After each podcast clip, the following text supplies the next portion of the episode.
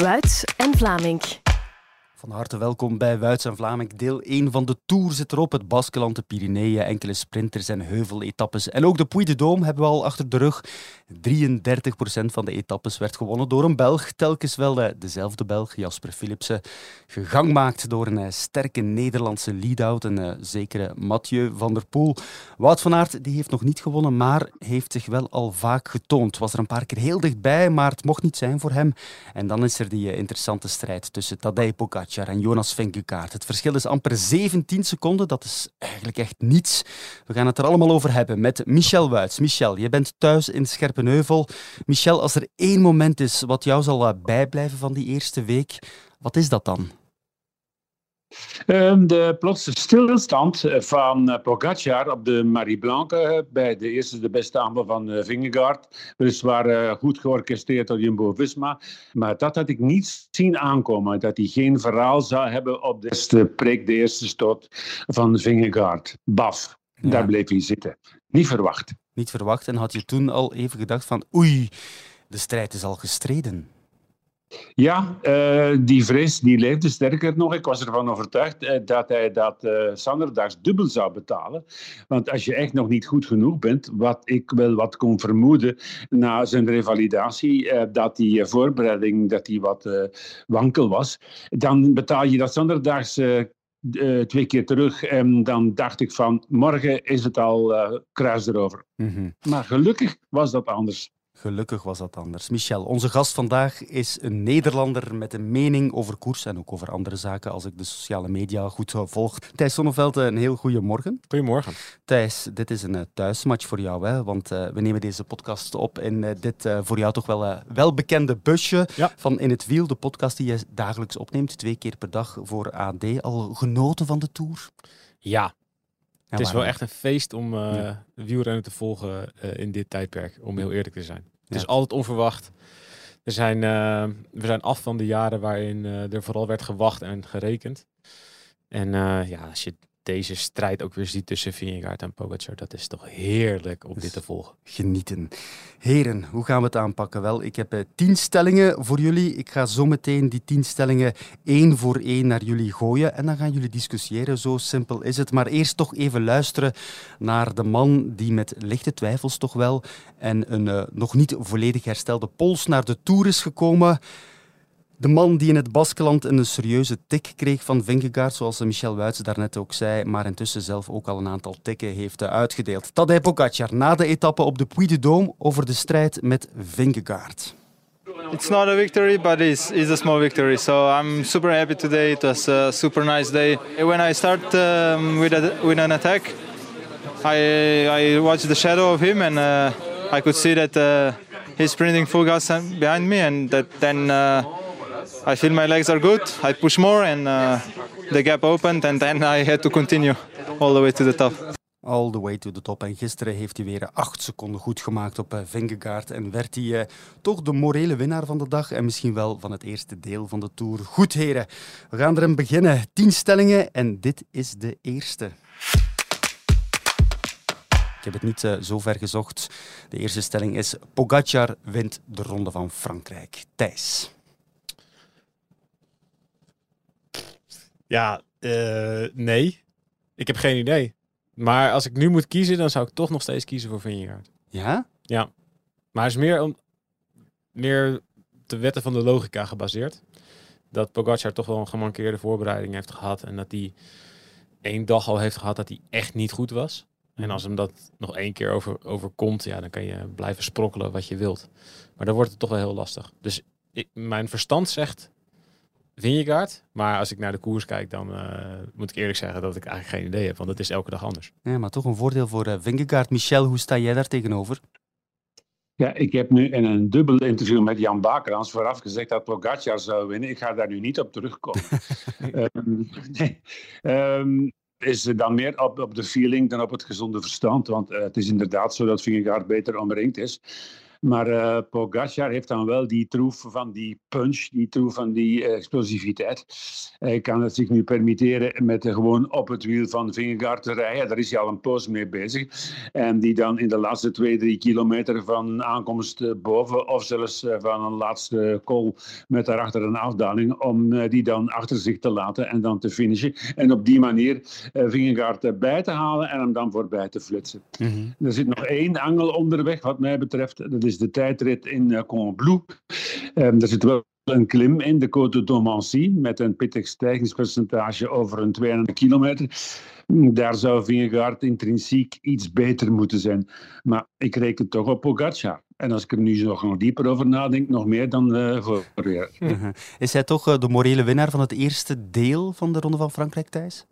Mm, dat weet ik eigenlijk niet. Kijk, ik denk dat die de morele winnaar is van de afgelopen twee aankomsten. En dat we heel erg in dat gevoel nu zitten. Maar als je aan Jumbo-Visma zou hebben gevraagd van tevoren dat ze... Ja, wil je, teken je ervoor, ook al is maar een paar seconden dat je voor had gestaan op de eerste rustdag. Dan denk ik eigenlijk wel dat ze dat hadden gedaan. En ja, het verschil tussen die twee is super klein. Um, maar waar het vooral in zit, is dat Pogacar iets explosiever is en Vingegaard in theorie beter voor de dag komt op langere beklimmingen.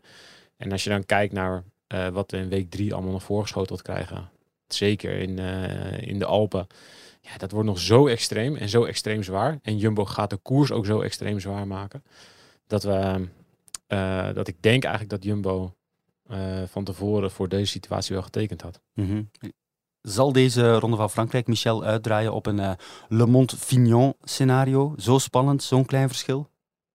Dat zou geweldig zijn. Hè? Um, dat moet dan gebeuren op Le Markstein, want dat is die ongeschreven wet, die absurde wet, dat er op de Champs-Élysées niet meer mag gekoerst worden. Ja, enfin, tenzij een, uh, beetje pseudo-koersen uh, voor de sprint. Um, en wat dat hardmaken van Jumbo-Visma betreft, ik vraag mij af of ze dat nog zomaar verder gaan doen. Zo'n beetje los, um, zonder veel na te denken. Nou, uh, er zit natuurlijk wel een systeem achter, maar het uh, Pogacar zo zwaar maken in de wetenschap dat het toch gaat volgen, um, dan moet je toch gaan beseffen dat al het werk dat je doet voor Vingegaard, dat dat ook de Sloveen goed uitkomt en aan het eind van iedere Alperit ook nog beter uitkomt dan voor Vingegaard zelf. Dus moet je toch wat anders gaan verzinnen, denk ik.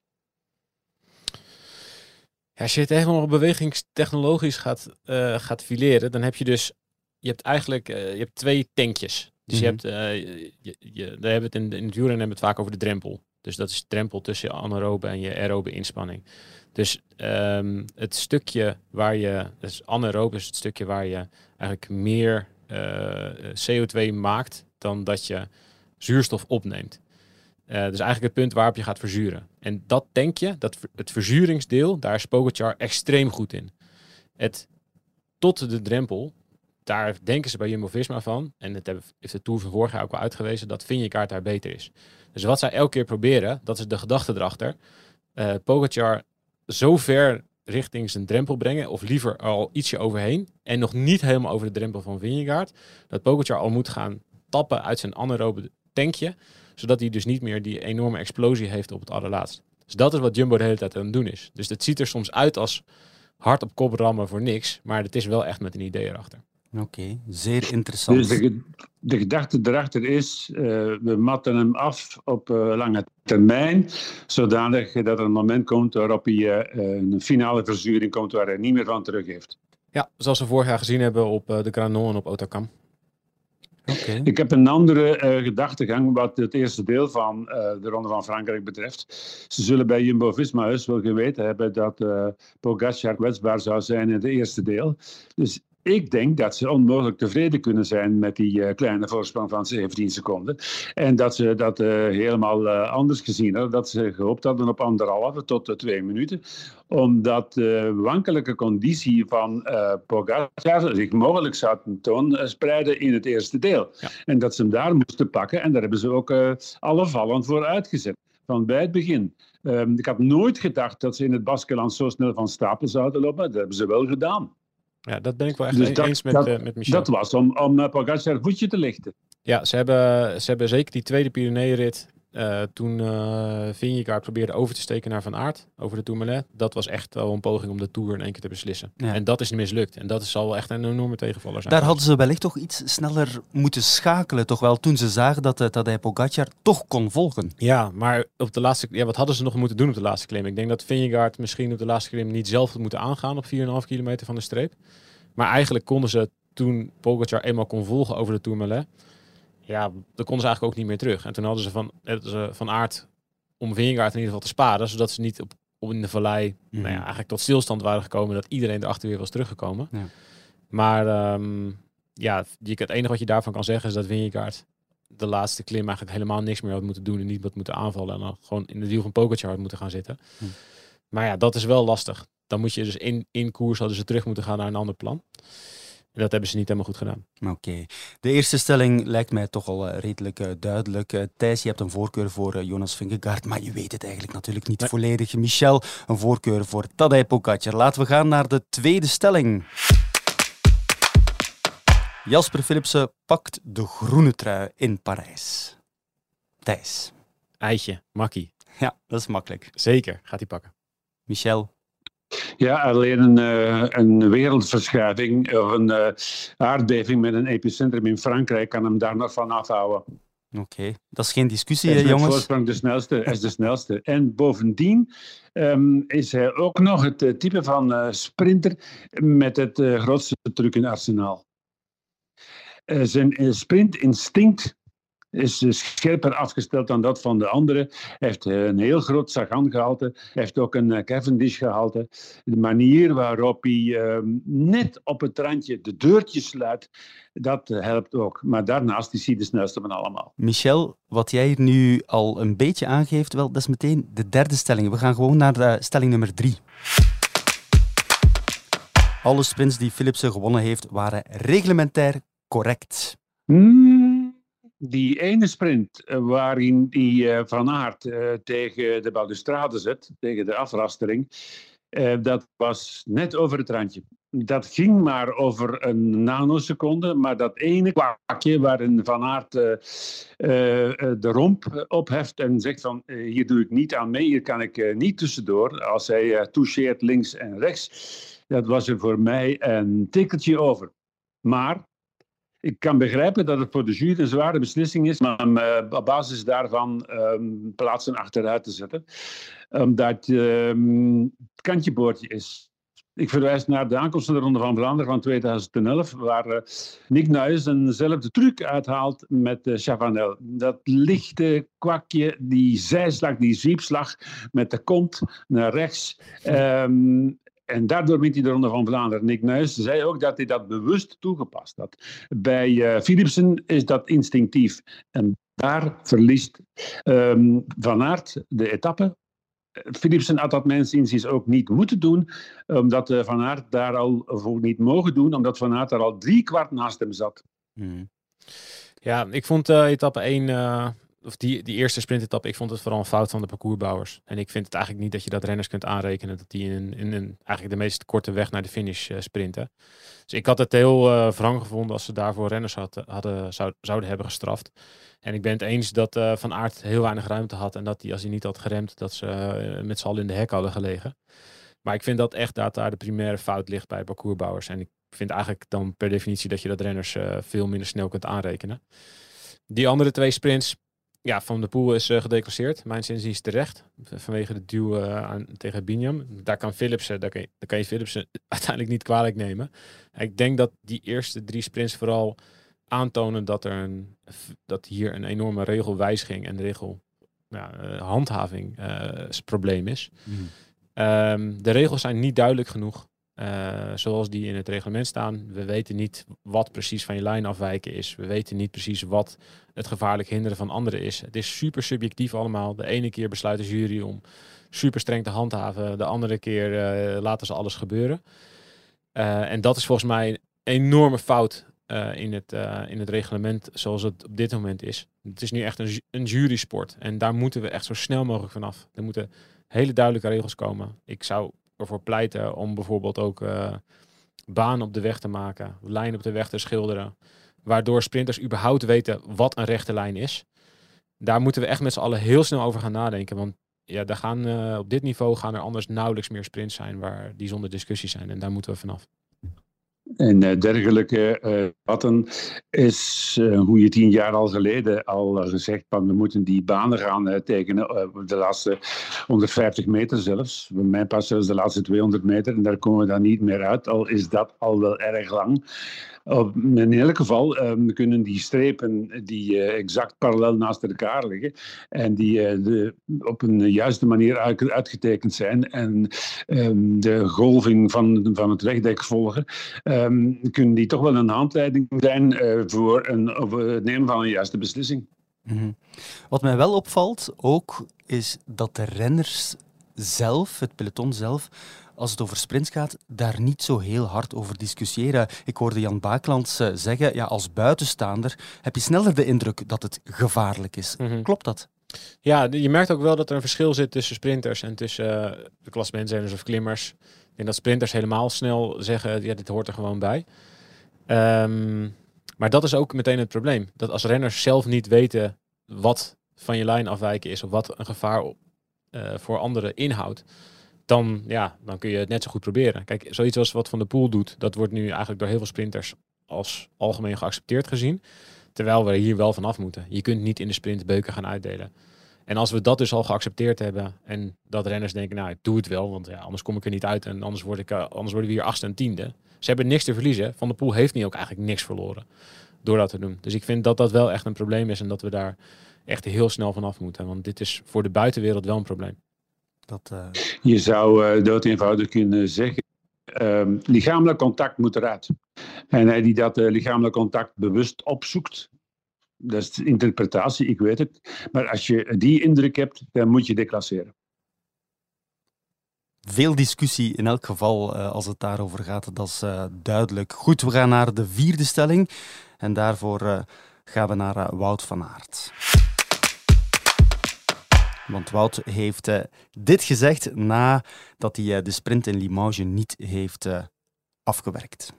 Ik voel heel hard de teleurstelling. Ik hoorde ook excuses die je uitsprak tegen jouw ploegmaat. wat heb je hem gezegd? Ja, het is altijd frustrerend als je het werk van de ploeg niet kunt afronden. En, ja, ik maakte een inschattingsfout in de sprint door, door iets te lang te wachten. En toen kwam uh, Mathieu en Jasper mij voorbij op het moment dat Christophe uh, stilviel. Maar toen moest ik in de remmen en uh, ja, ik maak nog op een aantal lengte goed, maar kwam tekort.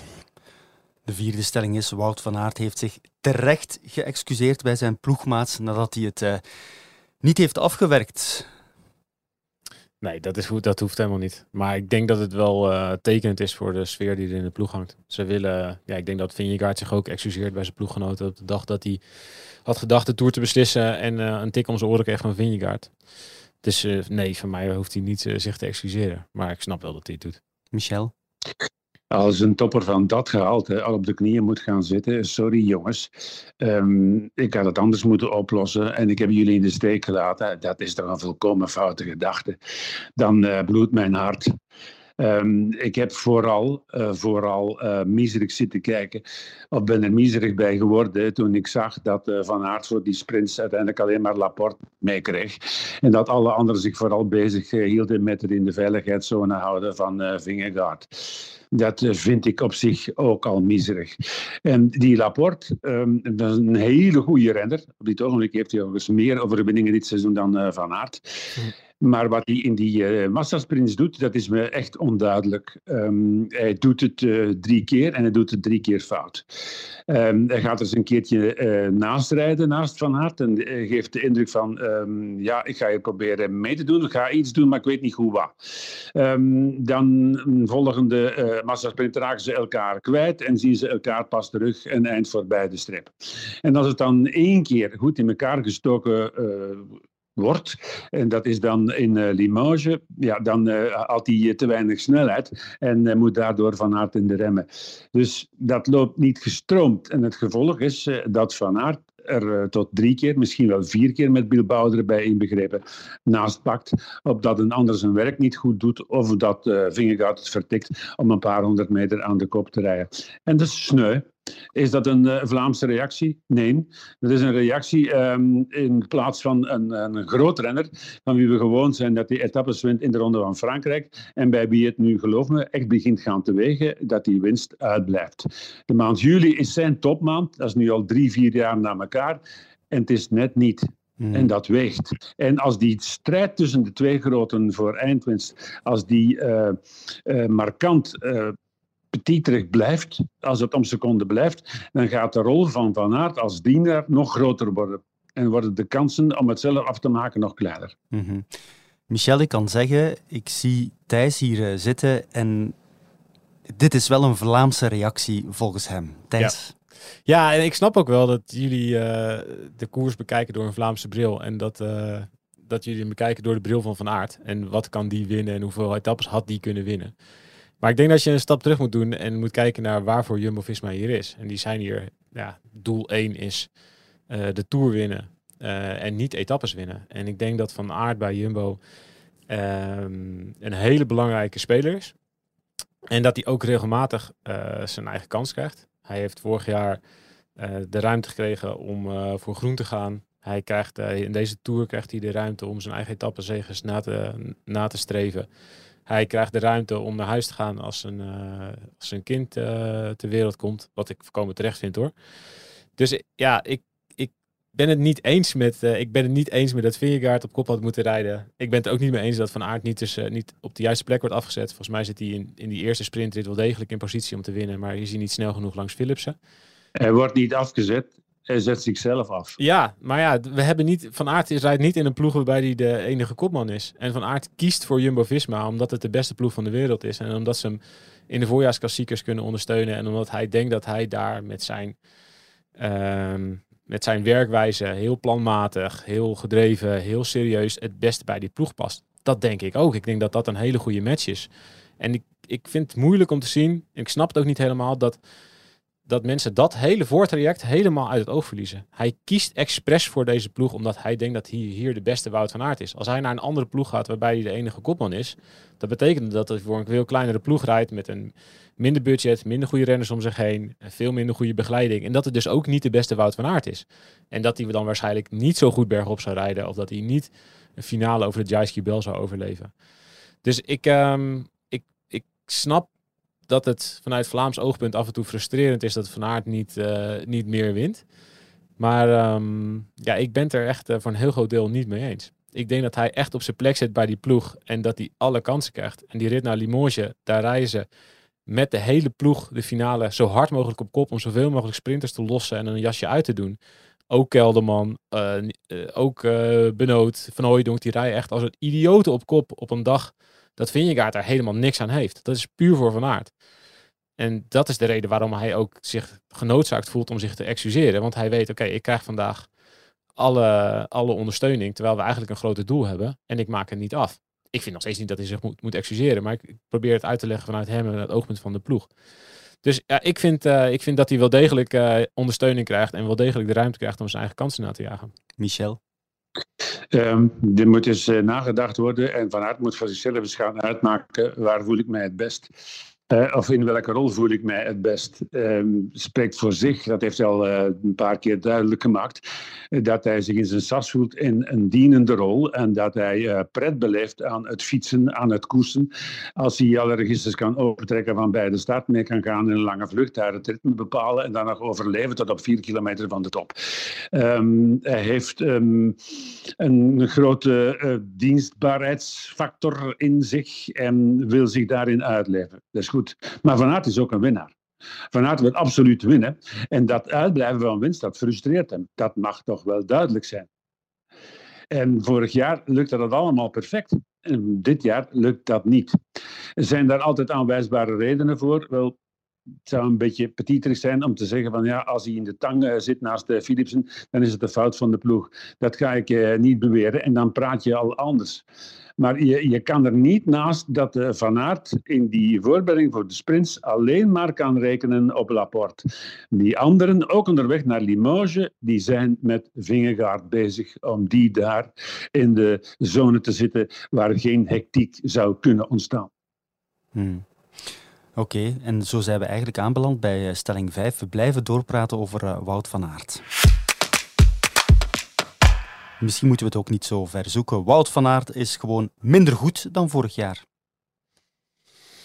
Nee, ik denk dat hij uh, net zo goed is als vorig jaar. En dat hij vorig jaar gewoon een heel veel, dat er heel veel dingen meevielen. En dat er heel veel dingen net wel de goede kant op vielen. Um, en ja, ik kijk bijvoorbeeld naar zo'n rit als uh, naar Calais vorig jaar. Uh, als Vingegaard daar wel mee zit. En met een wiel Yates geloof ik. Ja, dan moet Van Aert gewoon op kop rijden tot de finish. En dan wint waarschijnlijk Vingegaard of, of Yates. En nu valt het daar wel mee. En Van Aert reed vorig jaar een droomtour. En Jumbo reed vorig jaar een droomtour.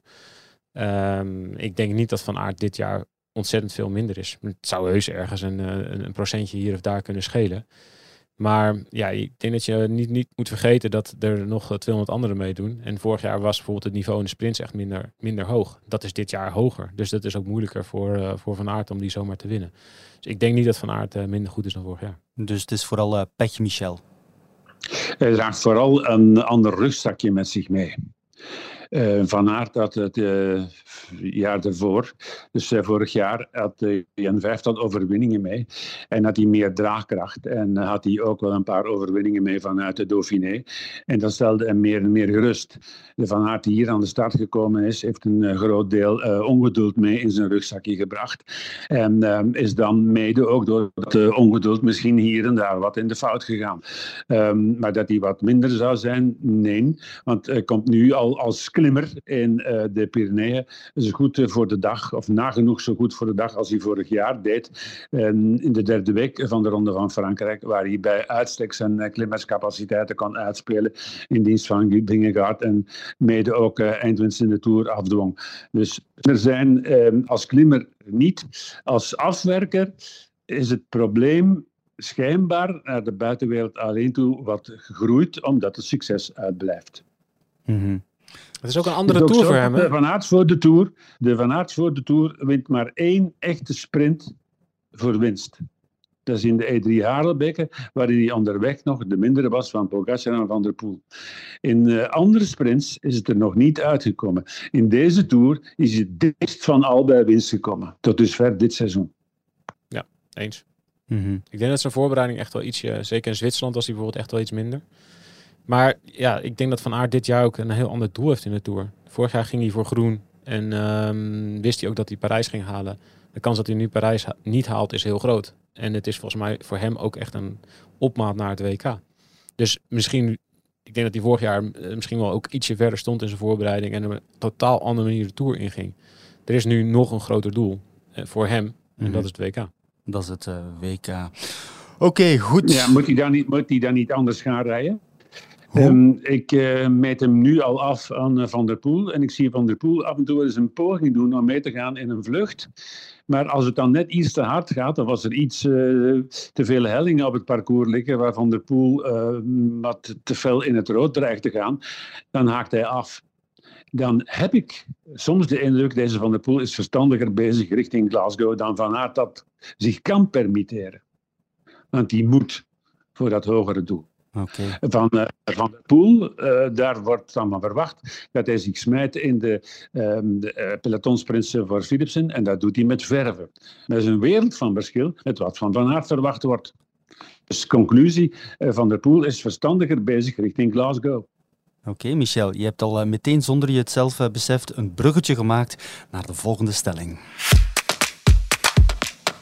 Het wegcijferen van Mathieu van der Poel voor het hogere doel is nog indrukwekkender dan hoe Wout van Aert het doet voor zijn ploeg. Thijs.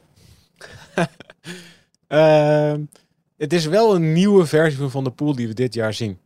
Um, vorig jaar heeft hij het al een keer gezegd dat de, de tijd van spelen klaar is. En dat het uh, misschien toch wel bij sommige koersen te veel alleen maar op het instinct was. En te veel, nou ja, we gaan en we zien wel waar het uitkomt.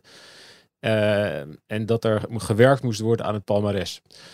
Uh, dat is dit jaar behoorlijk goed gelukt met Milan Sanremo en Parijs-Roubaix. En je ziet ook wel in deze Tour dat het, dat het, het speelkwartier wel een beetje voorbij is. Zelfs in een rit uh, die helemaal in het teken staat van zijn opa, zit hij niet mee. Terwijl je daar van tevoren Van de Poel in voorgaande jaren, die had je bijna zeker weten, in die vlucht gezet. Ook al had hij daar geen kans om te winnen met zo'n zware finale. Ehm, maar ik denk dat voor hem het speelkwartier wel inderdaad een beetje voorbij is. Dat er in zijn hoofd ook echt het een en ander veranderd is. Dat je, hij zet geen trainingen meer op Strava. Hij is niet meer bezig met kommetjes jagen in de afdaling. Uh, zoals hij het in de Giro wel eens deed. Dat was de weg lekker afgezet. Kon hij zo hard mogelijk naar beneden. Kon hij kommetjes scoren. Die tijd is wel een klein beetje voorbij. Vinden we dat jammer? Ik vind het ook wel jammer. Ik snap het, ik snap het ook wel. Want dat, er was natuurlijk ook wel uh, soms een probleem met, met hem. Dat hij ook in grotere wedstrijden soms zulke gekke dingen deed die uh, uiteindelijk niet uh, uh, overwinningen opleverde.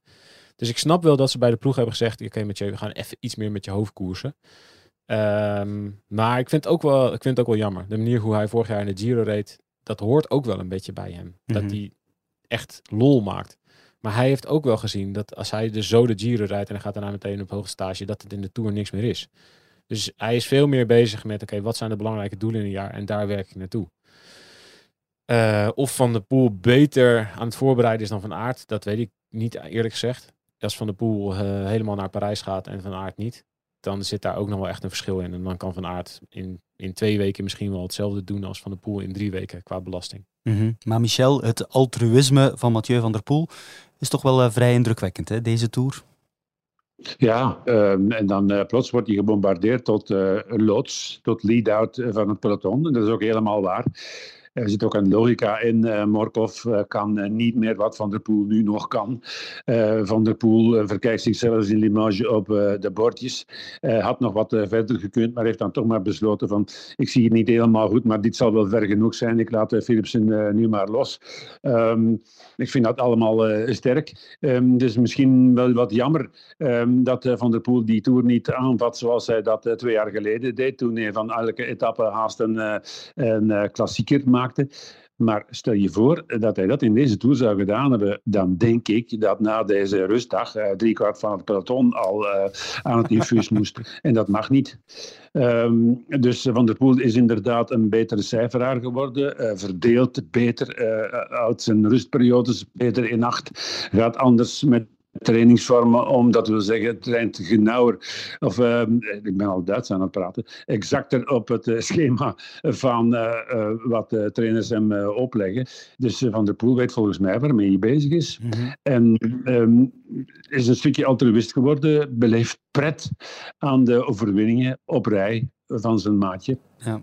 Mathieu van der Poel weet waarmee je bezig is, maar ik heb ook de indruk, als ik met die uh, ploeg praat, als ik met de roodhoofds praat, als ik de hele ploeg rondom Mathieu van der Poel en Jasper Philipsen zie, dat Alpecin de Koning ook heel goed weet wat ze hier komen doen, waarmee, waar ze mee bezig zijn, hè Thijs? Dat willen ze ook wel echt graag uitstralen. Weet je, ze willen zelf ook stappen maken en ze zijn jarenlang een beetje het kleine broertje geweest. En daar hebben ze ook af en toe wel uh, problemen mee gehad. Dat, ze, dat er een soort van... um, ja, uh, inferioriteitscomplex zat. Dat ze altijd werden afgezet tegen de quicksteps uh, van, uh, van de wereld. En die winnen nog meer. En dat het misschien toch te vaak alleen maar op, op de kwaliteit en de, de uitslagen van, van, van Mathieu van der Poel was gestoeld. En ja, ik denk dat zij het ook echt wel een enorme stap vooruit vinden. Dat ze zien dat er anderen binnen de ploeg nu opstaan die de ploeg ook mede gaan dragen. Hmm. En dat is voor Van der Poel zelf ook volgens mij heel fijn. Dat het niet altijd alleen maar over hem gaat. Mm-hmm. Dus zij zijn zelf, dat merk je, merk jij denk ik ook wel Stijn, bin, dat ze heel erg bezig zijn met professionele uitstraling ook. Ja, maar dat merk je, het verschil ja. als ze toekomen, die bussen, die auto's, de uitstraling van heel die ploeg, de manier waarop ze bijvoorbeeld gisteren de etappen naar uh, Puy de Dôme ja. uh, beginnen met een nieuw truitje, speciaal voor Raymond Polidor. Uh, er wordt van alles gedaan en dat komt heel goed, heel professioneel over. Ik heb zelf met ze gereden in de Scheldeprijs. Uh, en dan, toen zag ik het van binnen het peloton. Maar dat is dus hetzelfde wat ze willen overdragen binnen dat peloton. Dat ze dus meteen vanaf de start koers in handen nemen. Heel dominant en agressief in de rond te rijden. Dat je echt denkt, oké, okay, wacht even. Met die gasten ga ik, daar ga ik niet mee sollen. Nee, nee. En dat doen ze supergoed. En dat doen ze in deze tours. Zie je ook gewoon dat het echt wel resultaat oplevert. Ja, zie jij ook dat die ploeg aan het groeien is, Michel? Qua uh, logistiek en materiaalvoorziening zijn ze niet te verslaan. Ze hebben er altijd al een eerzaak van gemaakt, vooral uh, de jongste van de Roodhoofds, om uh, met het allerbeste materiaal in de beste omstandigheden, netjes het meest opgepoetst, het best functionerend voor de pinnen te komen. En ze hebben nu ook meer uh, regelmaat, meer ordening, meer structuur gekregen in het afbakenen van indoelen en in het halen van indoelen. Maar zoals ik dat aanvoer is, geef de Roodhoofds geen superioriteitsgevoel. Ze zijn nog altijd op hun best vanuit de positie van underdog. Geloof me. En dat doen ze perfect. En ze houden ook wel van die rol, denk ik. Een beetje, ik ga niet zeggen Calimero, maar inderdaad de underdog om te laten zien van kijk, met ons budget, wat wij daarmee doen, dat is toch wel uh, straf, hè? Dat hebben ze graag wel. In de taal, in de taal die uh, Christophe hanteert naar de pers toe, in die uh, babbeltjes, dat is daarvan doordecemd. Dat uh, gevoel van, um, laat ons maar gewoon voortdoen zoals we bezig zijn, we komen er wel. Maar in het echt, in de realiteit, staan ze een stuk verder dan ze dat zelf willen laten doorschijnen. Oké, fijn. We gaan naar stelling 7. Het gaat snel. Mathieu van der Poel en Wout van Aert, die zijn we weer, winnen allebei zeker nog een etappe. Nou, dat zie ik, niet, mm. ik, ik, zie Van der Poel niet zomaar een etappe winnen sowieso. Van Aert nog eerder dan Van der Poel, eerlijk gezegd. Michel? Um, iets waar. Dat is de eerste etappe uh, naar de rustdag. Dat is dus morgen al. Die gaat dwars door het Centraal Massief. Daar liggen geen kanjers, maar er liggen wel heel wat bergjes. Als het even mag van Jumbo-Visma en Van Aert mag daar op pad en hij kan met Van der Poel mee, dan zou dat wel eens een hele leuke etappe kunnen worden. Um, Belleville, daar krijg je een aankomst die zo'n beetje op maat is van uh, die in Limoges. In Belleville won Tom Bonen ooit een uh, sprint met een percentage van 4 à 5 procent. Ik heb de indruk dat de aankomstplaats uh, dezelfde is. Dus er ligt nog wel wat uh, voor die twee. En ik kan me niet van de indruk ontdoen dat de mannen van Roodhof, dat die ook wel eens gaan zeggen, want Mathieu, nu is het vandaag echt aan jou. maar um, gaat dat dan lukken? Je moet dan ook wel wat geluk hebben om er überhaupt bij te zijn in uh, de vlucht. Hè. En mijn indruk is dat, uh, dat wij van Aert tot dusver als hij dan mee moet, eh, dat dat iedere keer lukt omdat hij die eh, haast onmenselijke kracht heeft en ook die feeling om er op het juiste moment te zitten. Die neus van daar gaat uh, weg wat hellen. Daar krijg je een helling van vierde categorie. Daar sla ik mijn slag, dan ben ik altijd mee weg. Probleem voor de twee is, wie wil er mee op pad ja, gaan? Dit ja. Ja, dat is wie echt, wil dat er is mee echt op lastig. pad gaan als hij aan etappenwinst denkt? Als die mee moet je zijn in een groep. zitten. Ja, als die mee zijn in een groep, dan uh, rijdt niemand met ze naar de finish. Dat, is, maakt, dat maakt het echt heel lastig. En daarvoor is de kwaliteit in de Tour gewoon soms te hoog van die vluchtgroepen. Mm. Dan zit je gewoon met, met acht man op je bagagedrager die om de beurt gaan. Dat is wel echt een... Uh, het is wel ingewikkeld. Het kan zeker. Het zijn natuurlijk allebei wereldtoppers. Um, ze kunnen zeker allebei een rit winnen, maar dat gaat, niet, uh, dat gaat niet gemakkelijk worden. Soms is het ook vervelend om Wout van Aert en Mathieu van der Poel te zijn, hè? Ja, maar dat zie je natuurlijk gewoon de laatste jaren in de, in de Tour. Um, dat de klassieke renners eigenlijk steeds minder kansen krijgen in de Tour. En dat iemand als Van Aert kansen voor zichzelf creëert en dat Van de Poel al ritten in de Tour heeft gewonnen, dat, uh, dat, dat onderstreept alleen maar hoe goed ze zijn. Dat zij dus ook nou ja, het, het, niet, het status, of de, het etiket klassieke renner kunnen ontstijgen. En dat ze ook in de Tour kunnen scoren op het moment dat andere renners die hun hele jaar daarop hebben afgestemd, uh, proberen goed te zijn. Um, maar dat is niet eenvoudig. En dus ze zijn ook bijna de enigen die dat echt kunnen. Kijk maar naar andere jongens die in het voorjaar uitblinken. Hmm. Ja, op Pogacar na, daar zie je gewoon echt nauwelijks jongens die in het voorjaar winnen, die ook in de Tour eraan te pas komen. Mm -hmm. Maar als ik het zo allemaal daarom hoor... Zou het, ja, zeg daarom maar, zou het ook zo mooi zijn, mag Pogacar deze Tour winnen, omdat je dan uh, weer dat oude gevoel terugkrijgt van zie je wel dat het kan, dat iemand en uh, de Walse Pijl wint en de Amstel Gold Race en de Ronde van Vlaanderen bij God en Parijs-Nice er ook nog eens bovenop en die wint nu ook de Tour, dat uh, Pogacar de Tour zou winnen. Maar dat is dan louter een, alleen een historische overweging, toch ook wel een stukje een emotionele overweging. Mm -hmm. De nieuwe Merks. Wel, Nou ja, wel, het is eh, knapper, ja, hè? Je mag dat nu voor een keertje zeggen, eh, omdat Merckx er zelf van uitgaat. Lees ik eh, in een interview met Johnny van Zevenand, eh, die eh, jammer genoeg ook hij met pensioen moet, ehm, en die een boek geschreven heeft over eh Merckx, zelfs tot twee keer toe al. Een prachtig boek over Merckx in 1969. Johnny van Zevenand zegt, ehm, van- met zijn contacten met Merckx, ik beschouw Pogacar als mijn opvolger. Terecht wel, denk ik. Nou ja, ja ik vind de vraag. Ik vind. kijk, niemand is te vergelijken met Merckx natuurlijk. Maar vooral de, het tijdperk is niet meer te vergelijken met de Merckx. In, in zijn tijd reed het, hetzelfde peloton gewoon al die wedstrijden. Ja. Was de muur nog niet gevallen, eh, reden we eigenlijk vooral met een, met een heel beperkt groepje renners uit be- een beperkt groepje landen dezelfde wedstrijden. En wat Pog- Ja. Pogacar doet, is die rijdt het hele jaar door tegen verschillende pelotons, tegen een, in een veel mondialere sport. Ja, als ik heel eerlijk ben, vind ik wat Pogacar doet echt veel straffer dan wat Merckx deed. Oh, dat is een straffe uitspraak. Ja, hier ga ik, hier ga Dit is een Belgische podcast, maken, hè? hè? Dit is een Belgische podcast, hè? Nee, ja, Kunnen we- ik, kom Vlaanderen niet meer in. deze pod- kunnen we deze podcast nu stoppen, alsjeblieft? Goed, maar... eh, wat, wat, mij, wat mij opviel, ehm, ik zag in de rechtstreekse eh, naar de Puy de Dôme toe eh, oude beelden. Eh, de editie van 1975, waar men Thévenet uiteraard in het oog hield. En als je de klimstijl van Thévenet, hè, eh, een, een natte dweil die hij naar boven probeerde te hijsen, vergelijkt met wat er nu gebeurt. Ja, dat zijn 16 werelden van verschil. dat is waar. Ze waren ook zoveel Er zit groter toen, renners. evolutie in, hè? Oké, maar als ik eh, toch even terug naar de stelling ga, dan hoor ik, of dan kan ik toch een beetje afleiden, dat de kans dat Wout van Aert een etappe wint, toch een beetje groter is dan de kans dat Mathieu van der Poel nog een etappe wint. Ja, vind ik wel. Wel, Hij heeft, eh, heeft meer middelen, hè. Hij klimt beter, hè. Ja. Het zou best eens kunnen. Want niet, niet elke aankomst die in de Alpen die eh, nog eh, volgt, is eh, even lastig.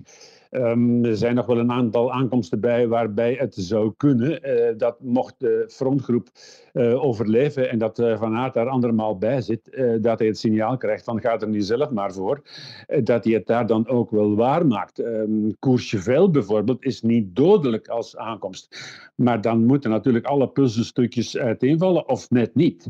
Nee, die is veel te zwaar. Courchevel met over de Col de la Loze, toch? Ja, ja, maar je weet maar nooit, hè?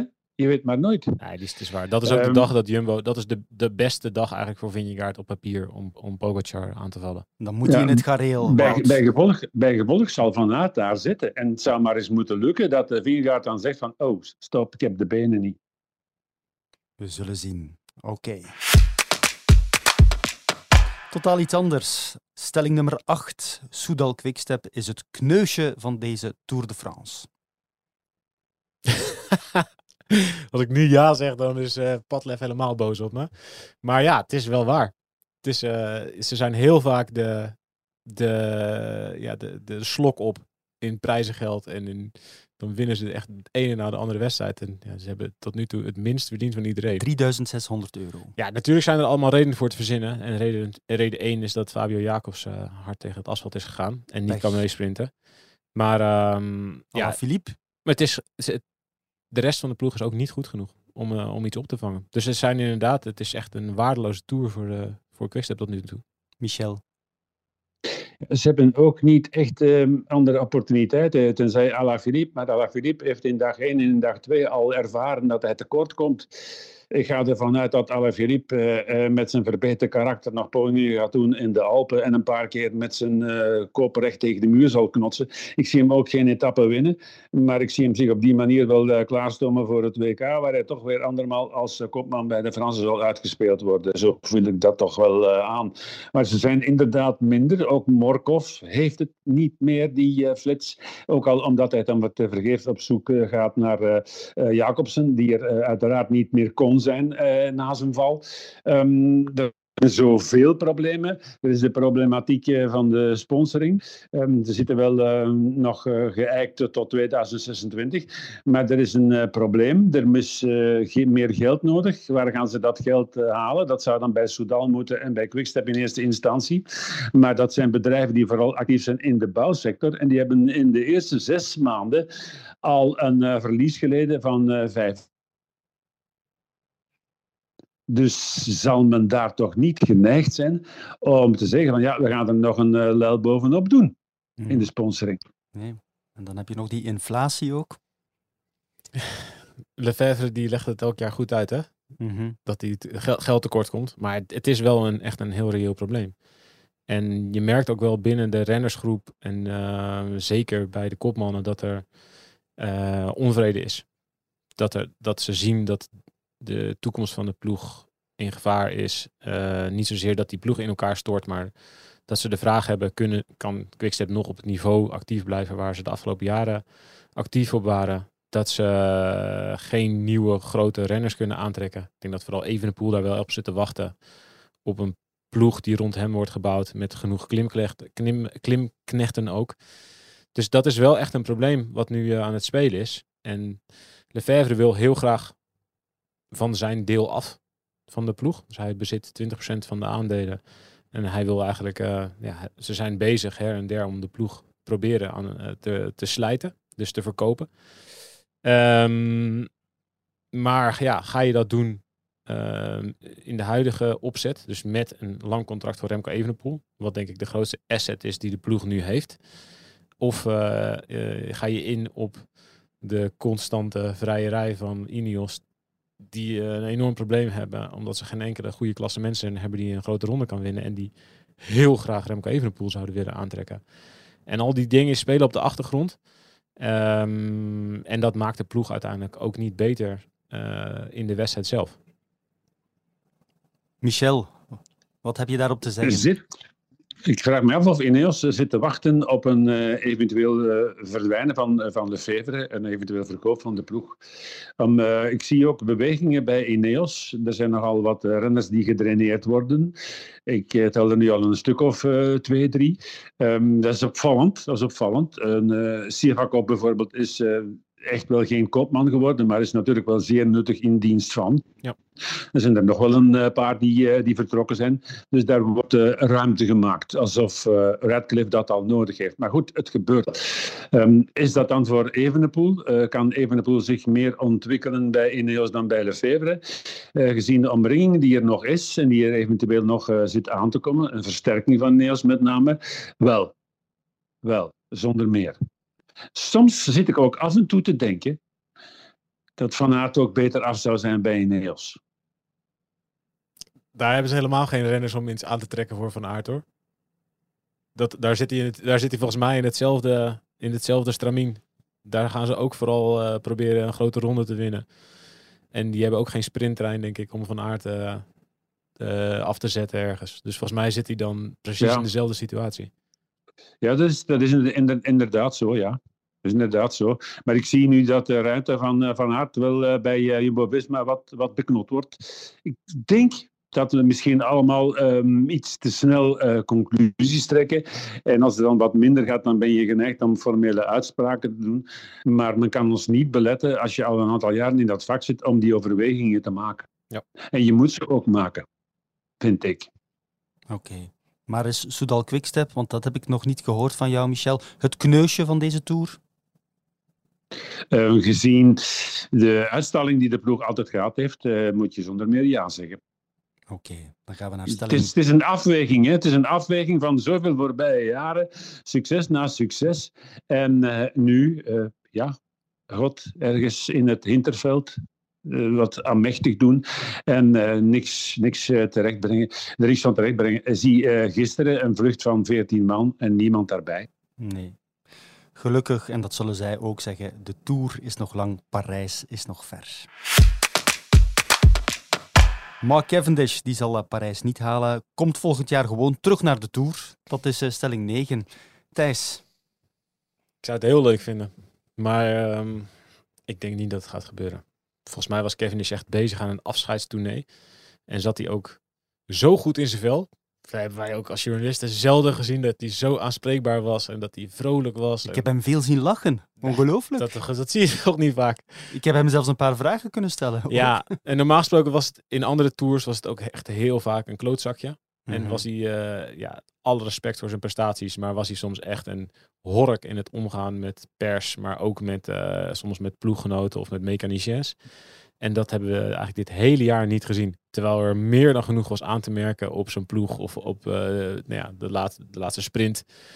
Uh, die die verloor van Philipsen, waar zijn uh, ketting oversloeg. Daar had hij vroeger de, de mechanicien waarschijnlijk uh, ondersteboven opgehangen aan zijn onderbroek op het centrale plein van, van Bordeaux. En dat deed hij nu niet. Hè? Was nu, de afloop zelfs daarover was hij mild. Dus volgens mij was hij echt, hij zat er helemaal lekker in. Het was echt, dit is een afscheidstournee. ging de hele dag met iedereen op de foto. Ik kan me niet voorstellen dat hij het voor, volgend jaar allemaal nog weer een keer gaat opbrengen. Maar Vinokourov wil het wel, hè, Michel? Ja, ja, ja. ja, ik zie het ook gebeuren. Ik zie het ook gebeuren. Uh, het is doodjammer, de manier waarop hij hier nu uit de Tour moet. Dat wens je niemand toe. Het is voor hem en alleen voor hem en schade van zijn supporters doodjammer dat hij niet aan dat getal 35 geraakt is. Voor de rest is dat um, in de vergelijking met Merckx dat betekenisloos. Het is natuurlijk fantastisch dat je 35 etappes wint in de Ronde van Frankrijk, maar ga dat niet vergelijken met Merckx. Uh, terzijde, Merckx heeft in zijn uh, tourcarrière ook twee keer een uh, massasprint gewonnen. Maar um, ik acht de kans groot dat hij dan toch nog zegt, ik ga er nog een jaartje of een half jaartje na de Tour bij doen, want het is de tweede uitvaart die ik van hem meemaak. Uh, ik herinner mij die in de Scheldeprijs, waarin hij ja. het tempo bij God niet kon volgen en huilend over de streep kwam. En uh, nu bij zijn afscheid, gedwongen afscheid in de Tour, weer hetzelfde. Deze uh, Cavendish komt nog eens terug piepen. En wat wel echt voor hem pleit, en wat wel de deur voor hemzelf misschien ergens nog een klein beetje openzet om erover na te denken, is het niveau wat hij heeft gehaald dit jaar. Ik denk, ik had het niet gedacht. Ik ook niet. Uh, maar hij wint gewoon de rit in de Giro en hij komt in de Tour echt dichtbij. Als Philips daar niet meteen op het wiel zit, uh, dan uh, wint hij gewoon die rit in Bordeaux. Dus dat is misschien wel voor hem nog, een, nog ergens in zijn achterhoofd van, nou, het kan echt. En dat, ik vind het echt heel knap dat, hij, dat hem dat nog is gelukt. Want ik had hem echt geen cent gegeven voor het begin Mm. uh, van deze Tour en het begin van dit jaar. Want we hebben het in deze ronde van Frankrijk natuurlijk over wie wint deze ronde van Frankrijk. En uh, uh, Belgen en Nederlanders hebben het over de prestatie ook van Mathieu van der Poel en Wout van Aert. Maar een ander verhaaltje dat er toch altijd was, elke keer als er een, een sprint zou kunnen komen, gaat hij zijn 35ste etappezege pakken. Dat was wel een leuk verhaal dat erbij kwam. Het is jammer dat dat nu is weggevallen, want er komen nog wel wat sprints aan. Maar dat moment dat hij rechts uit het peloton schoot in Bordeaux. Ja. Iedereen stond op en schreeuwde iets Ja. van, het zal toch niet waar zijn? Ja? Dat, ja, dat is natuurlijk ontzettend jammer dat we dat niet meer hebben. D- dit verhaal was eigenlijk nog niet klaar. En midden in het boek eh, zitten er ineens alleen maar witte pagina's. Ja, want iedereen... Waar, waar het ook om gaat, dat is dat uh, hij daar bewijst dat dat instinct voor het juiste moment, dat dat niet weg is. Ja. Mhm. Op het ogenblik dat hij die move zet, valt het vooraan door een uh, wissel voorin van een uh, loods die te snel inhoudt, valt het heel even stil. En dan heeft hij in een flits, in een nanoseconde, die reactie van nu. Ja. Ja. En als er dan heel even getwijfeld wordt, dan wint hij. En als, zolang dat instinct nog in hem blijft, dan gaat hij volgend jaar uh, die kans van Vinokourov nog grijpen. Mm-hmm. Het is ook publicitair zo interessant. Vinokourov ziet ook wel wat Cavendish met zich meebrengt. Dat is waar. Heel veel aandacht. Da en daar is hij zich ook wel uh, van bewust. Maar ik had het toch graag gezien dat hij op de Champs-Élysées had gewonnen. En dan gewoon uh, mic drop gedaan, carrière over. Zou fijn zijn geweest. Ten, goed. Ten, ten, koste van Philipsen of ten koste van Van Aert? Nee, misschien niet. Maar goed, ik zeg zomaar iets. Ah, nee. Oké. Okay. Stelling 10 in week 2 van de Tour de France blijft het windstil tussen de favorieten voor de eindzege. Nee. Dat gaat elke dag uh, koers zijn. En er komen in week 2 wat kansen aan voor Pogacar. Ik denk uh, dat je daar een aantal ritten hebt die relatief uh, rustige aanloop hebben. En waar het dus veel gaat om het explosief vermogen op het laatst. Dus waar je veel die anaerobe tank kunt gebruiken. En die ritten gaat Pogacar wel gebruiken. Want hij weet ook dat in week 3 de ritten aankomen die zoveel hoogtemeters hebben. En waar het zo lang uh, blijft klimmen. En waar hij van weet dat Jumbo daar echt gaat proberen gebruik van te maken. Dat... Dus de Grand Colombier is volgens jou een Pogacar-klim? Ja, exact. Dat is een goed voorbeeld. Omdat er, omdat er vooraf niet veel ligt, tenzij wat van, tweede, nee, van vierde of derde categorie. Precies. Ja, makkelijke aanloop, één klim, één inspanning. Dat is geschikter voor Pogacar als het meer gaat over veel klimmen achter elkaar, heel veel hoogtemeters. En uh, klimmen van, uh, van, van een uur of uh, van 50 minuten, dan gaat het meer doorslaan richting Vingegaard. In theorie allebei, hè? want natuurlijk is de vorm van de dag altijd eh, bepalend. Maar dat is, tactisch gezien is dat wel inderdaad, ehm, dat weten allebei de ploegen. Dus ik, zal ook, ik denk ook dat het best wel eh, zou kunnen dat UAE bijvoorbeeld die rit naar de Colombier gaat proberen te controleren. Zodat Pogacar daar ook nog voor bonificaties kan sprinten. Michel? We krijgen dus à la carte wielrennen. Ieder kiest zijn call, daar ben ik goed. Of ieder kiest zijn traject. Hier hebben we een drie à viertal uh, op elkaar volgende calls. Vooral de laatste twee uh, zijn uh, essentieel. En op grond daarvan gaan ploegen een val proberen uit te zetten. Um, ieder volgens eigen kunnen, volgens het menu. Dat is leuk hè? In plaats van de ja. hele tijd. Kijk, in de Giro hebben we natuurlijk extreem voorbeeld van gezien afgelopen jaar. Dat ze alleen maar zitten te wachten en te wachten en te wachten en te wachten. En dat niemand elkaar aanvalt. Ik vind het echt heerlijk dat we deze tour gewoon vanaf dag één vuurwerk hebben. Je hebt in de derde week heb je de tijdrit in uh, Combloux. Um, je zou dan uh, op grond van datgene wat zich in het verleden afgespeeld heeft, uh, Vingegaard die um, eventueel zelfs vorig jaar de tijdrit had kunnen winnen. Voordeel voor uh, Vingegaard. Maar blijft dat nog overeind volgens jou? in die tijdrit? Ja. Ik Want denk dat, zou, dat zou wel eens um, voor een afscheiding kunnen zorgen, die tijdrit. Ja, ik, ik denk dat dat een belangrijke dag is inderdaad. En daar kijken ze bij Jumbo ook wel naar. En ik denk dat ze niet meer durven uit te gaan in de tijdrit dat, dat, uh, dat Vingegaard tijd wint. Daar hebben ze een te groot trauma opgelopen in, uh, in, in, in het jaar met Roglic en Vingegaard. Even Roglic en, en Pogacar. Maar ik denk dat die rit naar, uh, naar Courchevel ook een echt een doorslaggevende rit gaat zijn. Dat is een rit met 5.500 hoogtemeters hmm. op hoogte. Ja. He, echt een, een extreem zware klim naar, uh, ik geloof dat 2500 meter is. En ja, bij Jumbo hebben ze daar het idee dat dat de dag is dat Vingegaard het Pogacar het beste zou kunnen breken. Dus die twee ritten die hangen wel een beetje boven de markt. Um, wat betreft uh, die laatste week. Ja, vanwege de grote opeenvolging onderweg naar Courchevel ja. van lastige dingen. Ja. Nu is het wel zo, ik herinner mij in 2005, rit aankomst bovenop Courchevel, de nog uh, piepjonge en niet nog supergoed klimmende Valverde Zeker, verslaat op de macht Armstrong boven. Ja, maar nu reizen ze vanaf de andere kant, hè? Dus ze komen nu in Courchevel. Toen was het een redelijk makkelijke aankomst inderdaad in Courchevel. Nu rijden ze eerst de loze over en dan moeten ze vijf kilometer super stijl naar beneden en eindigen ze in Courchevel. Het is wel is geen ritje voor Valverde dit jaar. Nee. Goed, we krijgen dus uh, koersen à la carte, dus het zal niet echt uh, volledige windstil blijven tussen de favorieten voor de eindzege. Dit was de tiende stelling, de laatste stelling. Allemaal vakkundig beantwoord. Thijs, het is een rustdag vandaag voor de renners, ook voor jou? Nou, zo... Moet jij nog werken? Ik ben nu aan het werk, toch? Ja, is dit ja, gewoon ja, ja, nee, nee, de, over nee, koers Voor ons is dat, ja, voor Ja, ons is het niet, uh, ook niet niet. werken. Nee. Nee, voor mij ook niet. Ik ga zo een rondje fietsen. Oké, okay, dat is ook geen werken. Michel, ga jij uh, nog voor de rest van de dag uh, werken? Of iets koersgerelateerd doen? Ik heb mijn twee kleinzoontjes op bezoek. Ah. En uh, die hadden beloofd muisstil te blijven gedurende 45 minuten. Dat hebben ze voortreffelijk gedaan. Ongelooflijk. Ik ga ze belonen met elk drie ijsjes. Kijk eens een koers, Michel. Kijk eens mee. Uh, ja, ja, ja. Uh, vooral als oopapparaat. en wie is hun favoriet? Voor wie zijn ze? Welke renner? Um, van Aert, Evenepoel uiteraard. En Pogacar. Maar ik moet toegeven, uh, ze lopen hier nu in huis rond. Uh, de ene met een shirt met daarachterop De Bruyne en de andere met een shirt met daarachterop Haaland. en Haaland is in dit geval de kleinste van de twee. Oké, okay, Manchester City fans. Oké, okay, heel fijn. Geniet van jouw dag. Thijs, dank ook uh, dat je hierbij uh, was in dit uh, busje hier van In het Wiel. En heel graag tot volgende week voor een nieuwe aflevering van deze podcast. Wuits en Vlaming.